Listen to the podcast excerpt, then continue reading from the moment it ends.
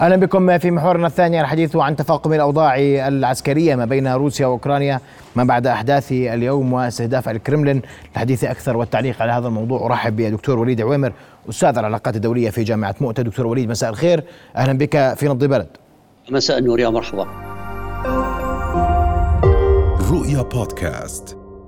دكتور وليد آه، تعقيبك على ما يحدث اليوم وهل نتوقع أن آه، تؤول الأمور لغير الهدوء آه، البسيط على أقل تقدير خلال الفترة الماضية. هل ستعود الجبهة الروسية الأوكرانية للاشتعال ما بعد الهجوم على الكرملين اليوم؟ يا سيدي بداية مساء الخير عليك وعلى السادة المشاهدين. يعني أعتقد أنه آه، الفترة الحالية وهي الفترة التي نقول عنها دائما التي تسبق العاصفة. لذلك الآن التحذيرات من كلا الطرفين سواء روسيا أو أوكرانيا للمعركة الحاسمة. وأنا أعتقد حقيقة أنه التجهيزات بالنسبة لأوكرانيا أكثر منها لروسيا. على اعتبار أن اوكرانيا بحاجة إلى نصر حقيقي على الأرض لعدة أهداف. والهدف الرئيسي هو من أجل إقناع الغرب.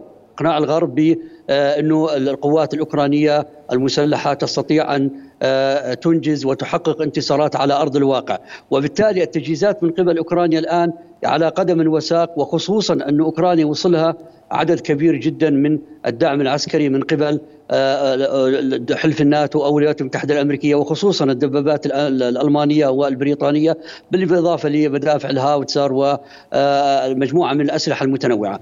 وبالتالي يعني الآن هذا الهجوم على الكريملين والذي طبعا شككت في الولايات المتحدة الأمريكية وحتى كييف نفته ولكن مع ذلك أعتقد إنه هذا الهجوم وحتى الادعاء أو إعلان روسيا بأن أوكرانيا تخطط ل آه، آه، قتل أو اغتيال آه، الرئيس بوتين أعتقد كل هذا سوف يشحذ الهمم أكثر بالنسبة لروسيا أيضا لصد أي هجمات مستقبلية من قبل أوكرانيا. اليوم كان الحديث على لسان مسؤولين روس أن الرئيس الأوكراني اليوم بات مستهدفا بعد هذا الهجوم وأن روسيا لن تسكت على استهداف الكرملين أو الرئيس الروسي، هل تتوقع ردات فعل روسية في هذا الإطار؟ يعني إذا إذا تابعنا يعني آه، تصريحات المسؤولين الروس يعني نلاحظ أنه طالبوا حتى ب يعني آه، آه، محو كييف.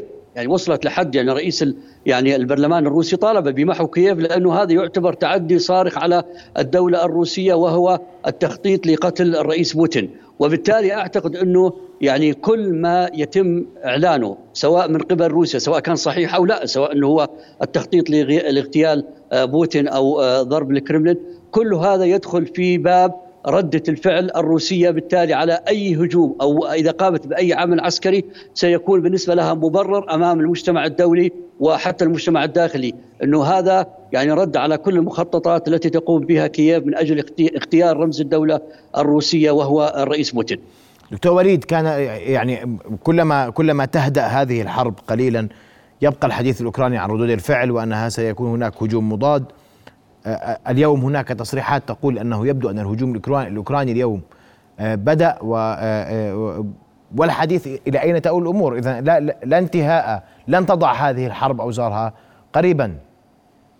على المدى القريب يعني مستبعد. وخصوصا عندما نعود إلى البدايات الأولى لهذه الحرب عندما تحدث الرئيس بوتين وقال خلال شهرين ثلاث شهور سوف تنتهي العملية الروسية الخاصة، الآن الحرب دخلت الآن في الأسبوع الرابع عشر تقريبا أو عفوا الشهر الرابع عشر هذه الحرب. وبالتالي هي آه، تستمر أكثر وتزيد آه، عنفا. وخصوصا أن الدول الغربية وعلى رأس الولايات المتحدة الأمريكية لا تألو جهدا في دعم آه، أوكرانيا بمزيد من الأسلحة وخصوصا الآن في توجهات من قبل الولايات المتحدة الأمريكية لتدريب طيارين روس آه، على طيارات الإف 16 وبالتالي سيكون هناك تغير واضح بالنسبة لميدان المعركة في المستقبل. لذلك كل ما يقال أن هناك إمكانيات للتهدئة لا أعتقد لأن كلا الطرفين وخصوصا الأوكراني يدرك أنه إذا جلس على طاولة المفاوضات بوضعه الحالي سيكون خاسرا ولن يكون لديه القدرة بالتفاوض من منطلق قوة. وبالتالي كل المؤشرات تشير الآن إلى أن أوكرانيا هي التي تريد أن تقوم بالهجوم المضاد وتحاول أن تحقق نصرا على أرض الواقع بحيث إذا انتقلت في المرحلة اللاحقة للتفاوض مع روسيا تتفاوض من مبدأ متكافئ أنها استطاعت أن تحرر مزيد من الأراضي والتي سيطرت عليها روسيا خلال الشهور السابقة. وبالتالي ما نشهده الآن يعني مزيد من التحشيد من كلا الجانبين. وهذا التحشيد 100% لن ينتهي بتفاوض ولن ينتهي ب يعني مناوشات بسيطة، التحشيد هذا كلا الطرفين يسعى إلى أن يحسم المعركة بالنسبة آه، له من خلال هذا الهجوم. والذي تم التحضير له بقوة من قبل آه، خاصة أوكرانيا وأيضا روسيا لا شك. ولكن أعتقد أنه يعني حتى الدول الغربية وعلى رأس الولايات المتحدة الأمريكية تراهن كثيرا على آه، هذا الهجوم وبالتالي حتى تستطيع بالتالي أن تقنع المجتمع الأمريكي الداخلي وحلف الناتو أنه الجنود الأوكران على قدر المسؤولية واستطاعوا أن يحرروا مزيد من الأراضي من القوات الروسية وبالتالي يستمر الدعم الغربي للقوات الأوكرانية، وبالتالي في ضغوط على أوكرانيا لا شك من قبل حلف الناتو من قبل الولايات المتحدة الأمريكية أن تبادر بهذا الهجوم وهذا شيء، الشيء الآخر حتى نفسها أوكرانيا تدرك أنها لغاية الآن لم تحقق أي إنجازات على الأرض مقابل الخسائر الفادحه جدا بالأرواح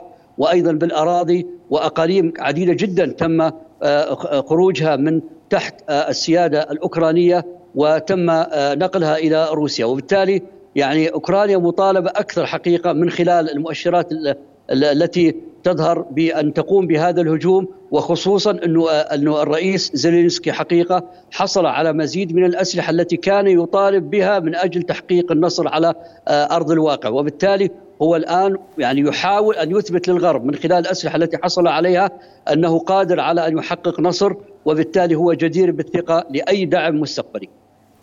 اذا الأمور من وجهة نظرك آه، ستذهب للتصعيد من جديد.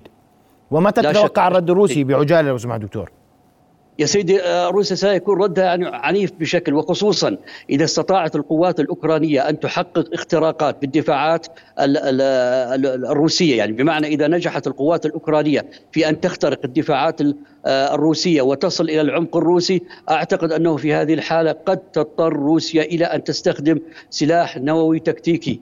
بمعنى لأنه هذا يدخل الآن ضمن العقيدة العسكرية الروسية والتي تقوم على أساس أنه يمكن لروسيا أن تستخدم السلاح النووي التكتيكي في حال تعرض أمنها القومي للخطر وبالتالي في حال بدأت القوات الأوكرانية حقيقة آه، آه، تضعف الدفاعات الروسية سوف تنتقل مرحلة لاحقة إلى نعم. العمق الروسي وخصوصا في المناطق التي سيطرت عليها روسيا وبالتالي في هذه الحالة سيكون الرد الروسي عنيف وعنيف جدا حقيقة ضد القوات الأوكرانية. أستاذ العلاقات الدولية في جامعة مؤتة دكتور وليد عويمر كنت معنا مباشرة علقت على تطورات الأزمة الروسية الأوكرانية بعد حادثة اليوم أشكرك كل الشكر على وجودك معنا.